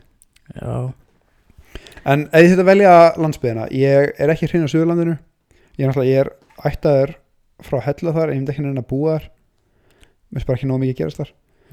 Uh, Viki Mýrdal hljóma vel en ég nenni ekki að hafa fucking köllu hangandi yfir mér sko, mér finnst næst að leggja mig á daginn ég vil ekki vakna með fucking flóð nei, það er eldgós að koma inn um já, klukkan hér ég er ekki alveg það sko. Nei, en þannig að ég held að ef hefði velja þá velja annarkvæmt vestfyrði ég er mjög hrein þeim, ég ferðist mjög mikið það þegar ég var krakki. Já. Ótrúlega fallegt, mikið að skýða svo það þú valdi fucking neskupstað Stefán, þegið ah, Neskjöfstæð er góði stæð til að vera á. Þannig ég myndi annarkvæmt velja Ísafjörð eða einn af þessum stórum bæjum á vesturum eða hreinlega Húsavík ég er mjög hrein Húsavík við skjálverni bæði, ég er ennþá nokkrum mánuðin setna að leita að hvar í fokkarum errið í skjálfandi er. Sko, hún syngur þetta ógíslega vel En það að geta ekki sleppt í að segja R í skjálfandi Eða sagt í heima bærin minn. Já, ég hef ekki fundið ennþá. En Það er, ég er ekki mjög hrifin að Akureyri en mér finnst Húsavík ógslag chillað mér finnst fólki sem ég og það er svolítið bæði hveragerði og borgarnes Ísafjörður og er allt sammeilegt að fólki sem ég hittar hefur alltaf verið mjög næs og ekki verið kundur almennt. Mm, er teipasánið en þá Húsavík komin inn í bæ, Já, já, það er synd. En já, ég var þar ekki sumar til síðan sumar og ég fílaði fólki bótnar ok. Og það er góð fastingverðar og ég myndi alveg, já, ég tek, tek Húsavík eða Ísafjörð. Fair enough. En þá kemur að því hvar myndi ég búa ef mætti ekki búa í Íslandi? Já, auðvitað svarið Danmörk Já, ég fyrir elska þig. Danmörku. Ég bjóð við að krakki uh, allt við Danmörku kúltúru þeirra. Þeir eru mjög hrif- hrifnir af rökræðum sem ég elska. Business, business og vísinda hugsunum þeirra. Bara markasfræðin yfir höfuð hjá þeim þetta er mýri tillingur á Þýskalandi sem varð bara huge. Já, já, það er ekkert skemmtilega að djamma með dönum nema kannski írum með kandamunum það er mjög gaman að djama með dönum. Já, það er bjór í bíónum og þá meina ekki einhvern shit í bar í smára heldur það er bara túborg standur skilur Það er eitthvað geggjað að fá sér bjóri bíó í smára bíó sko. Þannig að ég er, ég er rosalega inclined að fara til Danmarkur Já, já, og líka bara talað um atvinnutækifæri ég myndi alveg digga það í bótt já þú hefði nóg að gera í Danmarku Ég myndi ekki fíla það en, uh, og líka, ég elskar Danmarku að þú getur kipt alls þar, leiði bíl út í kipt um alla Európu Já, true. Ef ég mátti ekki til Danmarkur þá myndi ég segja sko, Írland mögulega, ég fíla Dublin í botn. Geggjætja mýrum. Já, það er líka Pöppamenninginnar er æðisleg. En uh, síðan ég er svolítið saman með Spán Alicante er svolítið næs, Sólusega Mhm. eins ég, ég, mér langar ekki að búa þar en eins og með Greikland, Ítalíu eða Suður Frakland, ég var til að sumurhús þar. En ef við búið til framtíðar 10 ár pluss þá vel ég örgulega köpun Ok, köpun eða München af því að ég er með svo mikil aðgang á skíðum þar ok. Og í Danmark er með aðgang á norsku fjöllunum en ef ég mætti ekki búa í Evrópu Hvar myndir þú þá vilja búa Daniel? og ég veit að þú ert að fara að fangja slástum út af þessu. Uh, Bandaríkin, Jæks, já. Jæks. Hvar í bandaríkanum Daniel minn? Sko, vesturtröndin er fucked. Östurtröndin er fucked en miðríkin, miðríki bandarækjana The Bible Belt. Jæks Mér lókar að búa stað þar sem allt sem þú hatar er ríkjandi. Byssur, trúabröð, Myndir- tæpar pólitíska skoðanir. Ertu þá Ertu Af þá því að mér er svo slétt sama hvað fólk trúir svo lengi sem er gaman að spjalla það að djamma með það og ég veit að þú ert svo mikill fokkin tólra krakki bæja hart að þú getur ekki sleppt í að raukraði einhvern. 12 ára krakki bæði hart Ég hef bara mína skoðanir og, og Ég stend fastur á þeim og þess vegna vil ég ríðast við allt og allt, allt sem hreyfist. Herðu, þú ert nú meiri raukraði hundur heldur en ég. Já, en ég er líka með öðuldara með að líta framhjá ákveðurum persónugallum Já, eða það sem þú telur persónugalla. Ég, ég segi nú ekki ég á mjög, þú veist, persónugallar og ekki persónugallar ég myndi eiga rosalega erfitt með það að líta fram hjá fokkin fýblinu sem væri hvít á sinu Já, já, það er myndi fara svo mikið í af mér og þér er þið drull er, Ertu nákvæmlega minn, ok, fílar Trump, cool. Uh, Viltu koma að djamma, slepp með að tala um pólitík geggjað, þau erum bestu vinnur sko, Trumparar eru aldrei að fara að sleppa því að tala um hversu frábært Trump er. Jú, jú, jú, jú, ég veist um það. Það er svolítið máli, sko. Að Mér er slett saman hvað fólki finnst. Ég get litið framhjá þínu persónulega skoðum eða þú ert decent manneskja, sama hvað Já, pólitísk skoðun þú trúir. algjörlega,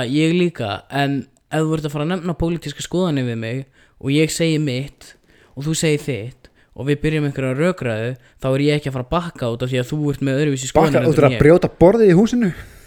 Já, ef, að- ef að það kemur að því. Nei, ég sko, ég held með Tennessee Titans í NFL Já, og ég fór að ganni að skoða bara hvernig það er að búa þarna í þessum svona, þetta er, þetta er ekki mynd miðriki, þetta er svona austur miðriki einhvern veginn. Þetta Já. er fyrir ofan Alabama og Arkansas þessi ríki, já, en fyrir neðan þessa sko þetta kulda hellhole sem er Illinois. Minnesota og þessi ríki já, sko. já, að ég var til að búa í annarkot Kentucky eða þá Nashville eða Memphis, Tennessee. Þetta er, þetta er menningar mekka. Já, það er endur alveg rétt. Það er skemmtilegt fólk að það er skemmtilegt lið. Ég elska, ég elska bara sunn, sunnræna hreimin í bandarækjamuninu, the southern accent. Já, mér finnst svo gaman að hlusta það. Já, ég veit svo mikið að fólki þólaði ekki en Ég ég, það ekki. við, við elska hey y'all, hei, já, you want some briskets? Ég elska það. Já. ég, ok. En ég var til að búa í líka bara að, að kaupa sér úst, 300 ferrametra hús svona á jáðurinnum á Memphis standi í garðinu mínum nakin með Kalesnikov riffil í hendinni viskiglas kaup með byssu að því ég fokkin máða Það. Er, já, fucking bissa á þetta þegar mátt að meiri asni þetta er í stjórnarskráni þeirra. Þú mátt kaupa byssu, Já, þú átt ekki það rauk fyrir því þú átt rétt á því. Það er frábært. Eh, Hvað ætlað þú að gera við byssu? ekki neitt, eigana Já, af hverju? Bara þú að- getur það. að því ég máða og því ég get það. Já, það er vandamálið. Af hverju? Svo snapparu og hvað þá? Ég snapp aldrei. Nei, ég veit.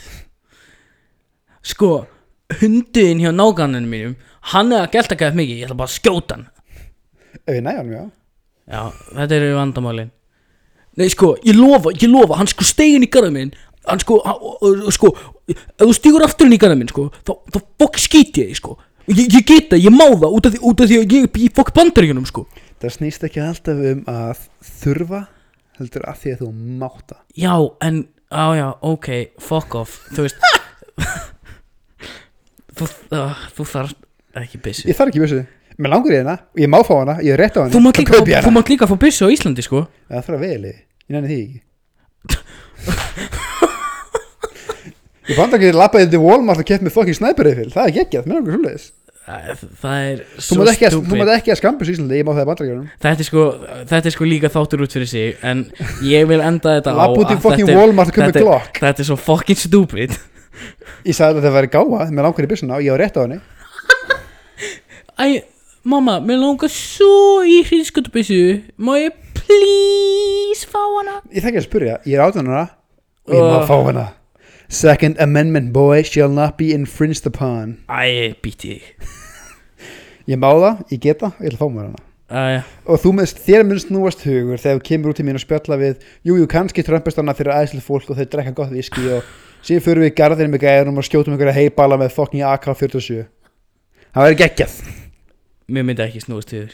Jú, víst. Þú veist Þú verður maður að kaupa þér húsið hlýna mér ára Þú veist nákvæmlega hversu þrjóskur ég er. Ég er ekki að fara að snúast til Þú verður svo pyrrandi að við myndum enda að skjóta þig í stæði að vera heibalan Já, og svo myndu segja "Ó, Hann lappaði inn í garðið minn, sko, ég mátti skjóta hann. Ég, ég má það, Nei, Ég veit það, það er pointið.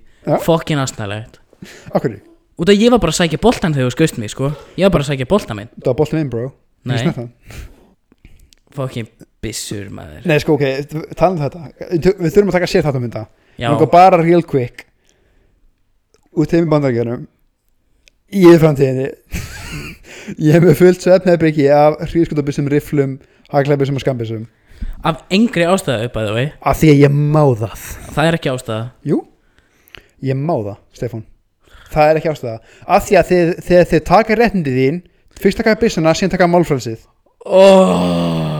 Ó já. Akkur, akkur, ertu að tala eins og Sko, maga hat wearing? Ég myndi köpa maga þetta bara til að pyrra þig. Ó, ég veit, ég veit um þetta Nei, gera sko, það. ok, svona, svona real talk. Horfðu hvað er gert í bandaríkjum, nei, í Bretland Þískalandi mm. Það vera sekt á fangilsa fólk af því þið brutu einhvers konar málfræðslög. Það gerist ekki í bandaríkjunum. Að veist að hverju? Þegar þú byrðið málfræðslið þá er þið mætt með haglabessi smettið. Já, en so fucking what með Breitland og Þýskaland. Viltu fá haglabissi smættið það? Ef þið gerir eitthvað ránt, já. Ok, já, Nei. ætla hana, burtið frá þessu. Ef einhver brýst inn þín Já. Finnst, finnst þér þegar þú er rétt á að skjóta hann Nei, Þú er ránt fyrir þér. Nei. Ef þú brýst inn til mín að stæða sjónbyrninu þá stelur lífinu hann, hann er ekki að fokkin brjótast inn til mín út af einhverju personal vendetta, sko. Nei, hann svona inn til mín. Hversu oft er brútist inn til þín, Daniel? Aldrei, Nei, en ef það gerist. Af hverju oh, Ef það gerist. Þú þarft ekki byssu á Íslandi. Þú þarft ekki byssu í Bandaríkjunum. Nei, með viski karablu sem er berið fokkin hausin á honum. Já, gerðu þá þá líka í Bandaríkjunum. Það eru öðuldur að fjarlæða byssu. Ok, finnst þér alvörinni ef gæði brist inn þín Ég hef ekki rétt til að drepa hann, nei. Akkur ekki? Út af því að ég hef ekki rétt til að taka líf frá annari manneski alveg saman hvað. Það er bara mín skoðun Ég er ekki að fara að drepa einhvern sem að brýst inn til mín sko. En skjóta hann hnýjaskiluna Nei, Akkur ekki? Af hverju? Leifur bara að sjónvapið þetta Nei, ég myndi ekki leiða hann að taka sjónarpið mitt En Hvað ég myndi myndirðu ekki, heldur ekki skjóta viðkomandi. En hvað, myndur þú fara í slagsmálu við hann? Já, frekar. Í alvörinni Já, En þú tapar? Þá bara tapa ég. Þá, það bara, Myndi, myndi þá er það bara mér að kenna Ég myndi eða næstu fjórum mánuðum í að Nei, fjórum mánuðum Fjórum mánuðum? árum Fjórum árum í að uh, Fjórum árum í að æfa mig í sjálfsvörð Og meinar þegar gæðin kemur inn með hníf og stingu og þú dyrð bara á staðanum Já, en hv- hvað Ég ég mynda þær, ef stendur uppi. Daniel, þú ert að búa til riffil. scenario sem að muni aldrei koma fyrir mig sko. Og ég hef Þú ekki ert rétt flugverki með pening, hann er að stela ég hef, ek, ég hef engan rétt til þess að taka líf frá annari manneski Alveg saman þó hún brýst inn til mín Ekki taka líf, en taka herri löppina Nei, ég myndi ekki gera það Ég myndi ekki vilja gera. Það Þó að það væri within my rights eða whatever Ég myndi ekki gera. Það Þín mistök. Já, já, má vel vera en mér finnst þetta ekki, ekki lógist hvað er ekki lókist þetta? Mér finnst ekki lógist að ef einhver brýst inn á heimilit jú, jú, það er fokkin ömulegt og viðkomandi er fokkin ömulegur en þú hefur ekki rétt að því að valda viðkomandi æfélingum skada út af því einhver ætla að taka eitthvað sem að þú átt. Af hverju ekki? Hann ætla, hann ætla að taka hvað sem þú átt þá tegur þú hverjum hann á. Já, en ekki fokkin geta hans til þess að labba. Þú bara segjum að myndi standa að einhver, þú veist, koma að einhverjum vera að brjótast inn til þín eða einhver væri búinn að brjótast inn til þín í 99,9% tilfella flýr viðkomandi ekki að búið skrifa og í þetta hérna. 0,1% í þessum 0,1% þá gengur eitthvað á og að ég veit ekki, þú veist, ég ætla bara að taka minn sens á þessum 99,9% sko. ég ætla ekki að fara að skjóta neitt eða ef að viðkomandi kemur upp að mér og ætlar að gera mér eitthvað eða hóta mér eða whatever þá bara, ok, tölum ekki, ekki svona skjóta fæn, ok, þið eru ítla við að taka lífi einhvers já, eða bara særa þau til ævi, uh, ævi. Skoti nýjaskilina er ekki að segja allan. Ok, En bara- og viðkomandi á ekki eftir að geta labbað sko. Ekki mitt um Jú. allan, búið sér á því. Hann ákvaða að ræna mig, ég ákvaða ekki að ræna mig. Hann ákvaða að ræna mig. En ok, segjum bara svo að þú, ekki, þú vilt ekki skjóta hann nei, fair enough. En bara það að ég sé með byssu þetta fara að spyrja mig já, nákvæmlega, Ef þú veist, ok, þú, þú segir þú vilt taka verður þá bara með taka verður bara, þykist. þú vilt taka sensin á þessu 99,9 já, flesti myndur ekki að gera það en enginn telur sig vera í þessu 0,01% nei. sem gæin er með nýf og næri að gera eitthvað. En bara það að standa með byssu yfir honum þá er líklega 100% líkur á því að hann flýi. Já, eða standi kjöru já. Þó En- skjótur hann ekki að vera bara með deterrent. En mér finnst það samt það er miklu betra, já en verður bara með fake byssu eða eitthvað, mér er alveg sama ekki, bara það að þú sért með getuna þú veist, í hendinni þinni í einhverju sem að vegur sko, jafn mikið og páagaugurum minn, geti fokkin drepið mannesku þú veist, Þú og þú það bara fyrir, ég get náði eldursinni núna að skora það á hál Já, sko. ég það veit það. en, ég veit það en þetta er samt, þú veist þetta er byssa, skilur, þetta er, þetta er annað kaliber bókstaflega örgulega nýju kaliber Já. nýju millimetra, en ég veist sure. og þú veist, mér finnst ekkert að því að fólk eigi byssur ef það er að ef það er til þess að veiða eða whatever þú veist, það er bara fullkomlega And recreation eðlilegt. já, þú veist, ef þú ert að keppi í einhverjum skotkeppnum eða þú veist, hitta target eða lirdúfur eða eitthvað frábært. bara, en bara eiga ef mér langar en þú þarft ekki fucking hríðskotabissu Ok. þú þarft aldrei hríðskotabissu komum þá að þessu. Má ég þá eiga skambissu til að verja ef svo ólíklega vill til að mér líði betur að verja, mér langar ekki svona skjótan eiga skambissu en síðan að eiga eins og eiga riffil, eiga hristabissu ekki til að skjóta hann, til að bara einmitt að því mér er skaman að skjóta á targets eða æða mér markmanship eða eitthvað. Þetta er samt, þú veist, við komum inn á þessu við komum inn á þetta þegar við tökum þáttinn alveg en uh, þú þarft að vera komin með alveg þú þarft að vera búin að vera background checkaður í drasl finnst mér. Við komum að því þættinu þegar við tölum betur um þetta. Þurfum að rannsóta þess betur. Já, en steppast þau hrættu við byssur. Það er svona pjú pjú hrættur og ekki hrættur mér er ekkert sérstaklega vel við það nei, en, en ég ætla ekki að en st, það eru allir það myndi allir vera hrættir að það veri byssa frá Að mér, sko. þess vegna virkaður Ég veit það, en það er líka út af því að það er kúla sem er á stærð við sko litla puttan sko efsta þriðingin af litla puttanaðinum sem að getur drepið tvær mannesku sko. En ég held að ég er frábær bandarækjunum af því ég hugsa held ég svo oft eins og bandarækjumöður ignorantly þá, ha, ignorantly þá ef þú vilt skilgreina þannig já. Ég, heit, ég kalla það að nýta mín réttindi. Já, já, allt er góð það þú tólka stjórnarskrána eins og þú vilt en það sendur í mig í þetta ef þú vilt ekki nýta það, ég veit það mál, ég er ekki ég er bara Nei, nei, alg, algjörlega þú veist, en, okay, en þú veist, þetta er að mínum að þetta inherent vandamál með stjórnarskrána bara. Þú veist, út af því að þetta er svo loosely, uh, loosely uh, specified sko. Já, eða veist, mér finnst bara af því að ég skil af hverju þetta var skrifað það er mjög augljós horfðu bara svo drastlið mér að gera sér Hong Kong núna með mótmælin. Já, sjáðu hvað Ríkissonin gerir við mótmælhóp sem er ekki vopnaður. Ok, ef við ætlum að fara út í það mótmælanda hópar sem eru vopnaðir eru, geta verið svo fokkin Já, stórhættulegir horfðu bara Antifa í Seattle.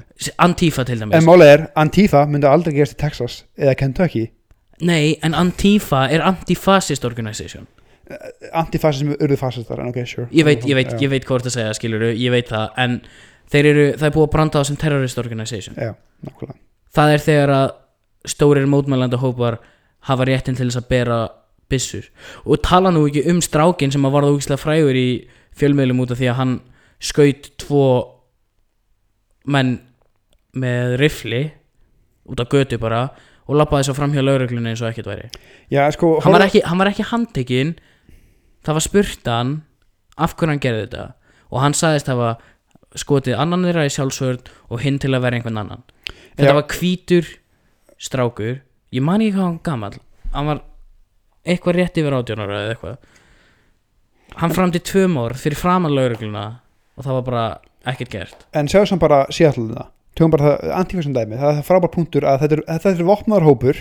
Þetta er terrorist organization. Sem, að, sem tekur yfir partaborg í fylki sem er mjög á móti byssulögum já.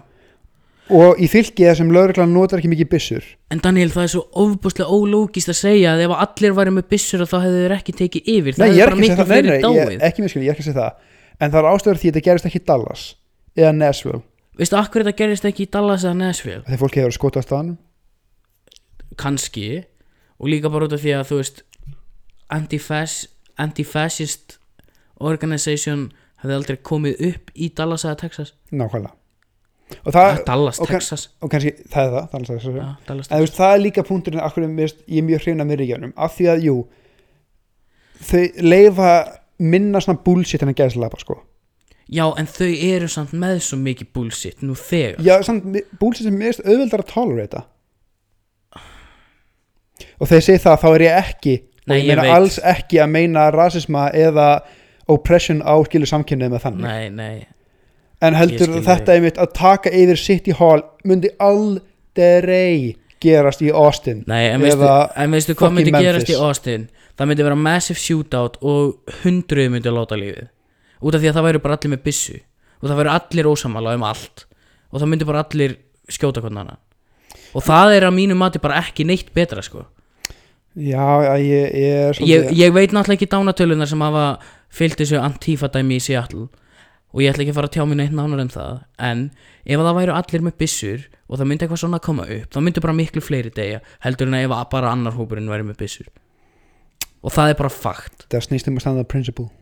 Ekki að mínum að Hvaða prinsipul Að þú meir vera með byssu Flott, þú mátt vera Já. með byssu Þarft að vera með byssu. Nei, ekki þá gera. Þú mátt það. Já, þú mátt það. Þú mátt það. Gjörðu svo vel. Jep. Ég myndi, myndi annars líða örgari í miðriki bandarækjana sem byssögn er bara ofinber heldur en eitthvað sem hipster fucking bæjum á stöndunum sko. Já, já, það er bara algjörlega þitt álit að því gæði sem var alveg upp á einhvern bóndabæja pappa sínum sem átti 12 byssur mm. kann betur að fara með það en einhver stúdendi úr Oregon sem kefti sér byssu í Walmart í fyrra dag og ákveður að joina Antifa sko. Já, en Æ, ég Æ, þú veist Ég er bara Við erum farnir alltaf djúpt í þetta Við þurfum að taka heilan þátt með þessu. Já, bursur af því. Bandaríkin, Kanada eða Ástralja Ástralía líka? Yep.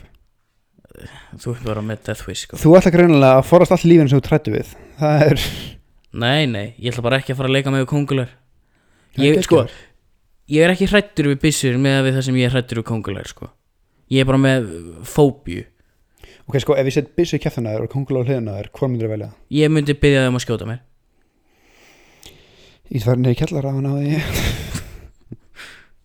Nei, ég er Sko, ég hef erfitt með að horfa á myndbönd á kongulám Ekki bara það að þeir séu fyrir fram að mig. Ég hef bara erfitt með að sjá þær Í myndum eða á myndböndum. Það er bara uh, Það er ennannar hluturinn sem er að mér Ég var búið, í- já, ekki Sydney en Brisbane kannski. Já. Sem bæinn fyrir utan höfbókina En pældi samt í Ástralíu aðeins. Það eru bara, þú veist Öll hættulegustu dýr í heiminum er, er í Ástralíu sko. Og veistu hvað, ak hverju? Ak hverju þarna? Þau hugsaður líka akkur myndir búið hlinni eldfelli hérna hjá okkur sko? Nei, en þú veist, þetta er allt öðruvísi. Við Ég er ekki að tala um það, sko. Ég er að tala um bara af hverju Í þróunar Í gegnum þróunina, skilur Af hverju ákveðu öll ógeðslegustu dýrin að þróast í Ástralíu? Ég veit það ekki. En ég var til að búar, fólki er fokkin næstar geggjaður geggjaður hreimur. Ástralir geggjar ég, þeir eru mjög skemmtilegir. Mjög fallið landslag aftur, það fallið Ó, svo sætt. Eða þá Kanada, búið banf, fokk hvað ég elska þann bæ. Já, þú hefur farið. Tvisar, skíðaferð. Banff er sem háfellabær í Alberta í Kanada. Skýrkalla vetunar, fall, gull fallið sumrin er þetta svona eins og, er þetta svona eins og bærin í Dömmen? svolítið, já. Annarkvæmt Banff eða Calgary sem stórborgar hliðina á Já, bara svona ein gata beint upp í ba fjall Banff er bókstálega ein gata með eitthvað hliðakötum og ég var eins og það fullur og ég rata ekki heim. Vel gert, þetta er ein fokkin gata, vel gert. Ég hafði ekki hugmynd hvað ég var ekki hugmynd, ég hringdi á leiðubíl sem kerið mig kannski 2-3 mínútur. Jæks en það er enn að segja, það, það var allir ég skilnaði. Það er, það er mjög góð að segja ég er ekki eftir að grínast með það, ég allir skilnaði er Já. Einhverja sem þú þekkir eða? Þekkti. Þáttíð gæla nata mér á Facebook. Ah, frábært. Nei, ég er ekki jam með kandamönnum, jam með írum geggja sko. Og bandarækjumönnum líka. Af því að eins mikið að ég veit að þú hata Bandaríkjuminn kunni ekki að drekka eins mikið að ég veit að þú hata bandarækjumenn þeir sem ég hittir er mjög næs Ég og, hata ekkert bandaríkjumenn, ég hata bandaríkin. Og málið er að helmingur eða ekki fleiri eru sammála þér. Eða sko, hatur er rosalega stert orð.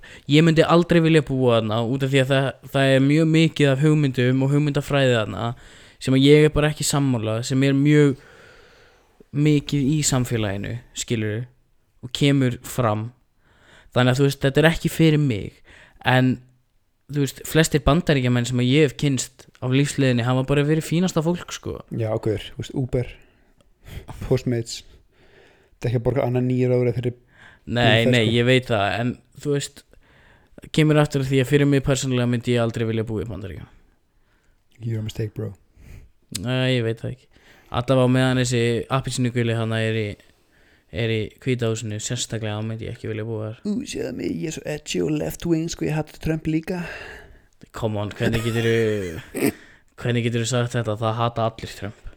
Ekki 58, nei, 48% af bandarsum þjóðunni en Nei, sem að kveikir í pointinu mínu. Hvað, þú veist, ætlað þú að segja mér að þið líka eitthvað vel við Trump eða? þjóðunni ekki. Eða, þú veist, ég var að jamma með honum, ég ætla ekki að ljúga. En hann var ekki að fórseti Hann er fucking glataður. Ég var til, ég sko ég, ég, var til að hafa hann sem svona í entourage-inu mínu. En mér finnst hann ekki verið rétti gæinn til þess að renna landi sko. Hann er bara ekki rétti gæinn til þess að fucking uh, renna slátturvél sko. Einhver að jamma með þessum gæja er fucking styrla sko. Nei, jú, nei, ég hugsa, hann er svo mikill narsisist maður. Nákvæmlega. Og fyrir ekki enginn okkar vinnahóp hefur aldrei narsisisti Jú, jú, en ekki, ekki, á, ekki á neinu á borðið við Trump og þegar að það kemur upp í okkar vinahóp þá er það yfirleitt í mjög léttu gríni sko. nei, ég segi, hann er ekki rétti maður til að renna landinu en ég var til að jamma með honum. Uh, ef hann gefur mig pening fyrir það þá fínt. Nei, ég segi það, hann er að hóra að pick up the tab skilur heldur það, já, ég held að sé svo nýskur. Ég var, já, ég er til í partí með Trumparann sko, er hann á ekki að hvítu svona, hann að pólitíkjur höfuð. Hann er já, hann er, hann er, hann er alltaf hot headed sko. hann er svolítið mildháliði en ég held ég gaman að hanga með honum. Æ, ég veit það ekki. Ég held að líði, líði mjög vel að sjálfa þið þegar hangið með honum. Nei, ég held ég myndi bara ég held ég myndi þetta í alveg svakalega sjálfsvorkun. Ég veit þú líka, þú kannt ekki að fóra þeirri veldi að, Nei, vá. Uh, Jú, ég er orðin miklu betri í því Ég er orðin miklu betri í að forðast þér Ég er orðin miklu betri í að bakka niður. En ég hugsa að með svona gæja eins og Trump Ég myndi ekki geta það sko. Ég held ekki heldur. Nei. en ekki bara setja gott á þessum uh, orðum þá að Ég held það. Við viljum þakka ykkur innilega fyrir að hlusta og hvetjum ykkur til þess að fara að follow okkur á Instagram. Já, við ætlum að reyna núna að gefa út hverju minnst að þriðdagsmónni Já. Það verður skemmtilegt. Og í hérna næstu viku þá verðum við kannski búinir að uh, til Master að hljóða aðeins betur, hann þurfum við að taka upp fucking tvisvar eða? Já, og búinir að, tilbúinir með útnefninguna Ginger já, Mánaðarins það hljóma mjög vel. Þannig að takk hérlega fyrir að hlusta aftur og bara ég fara bara en dag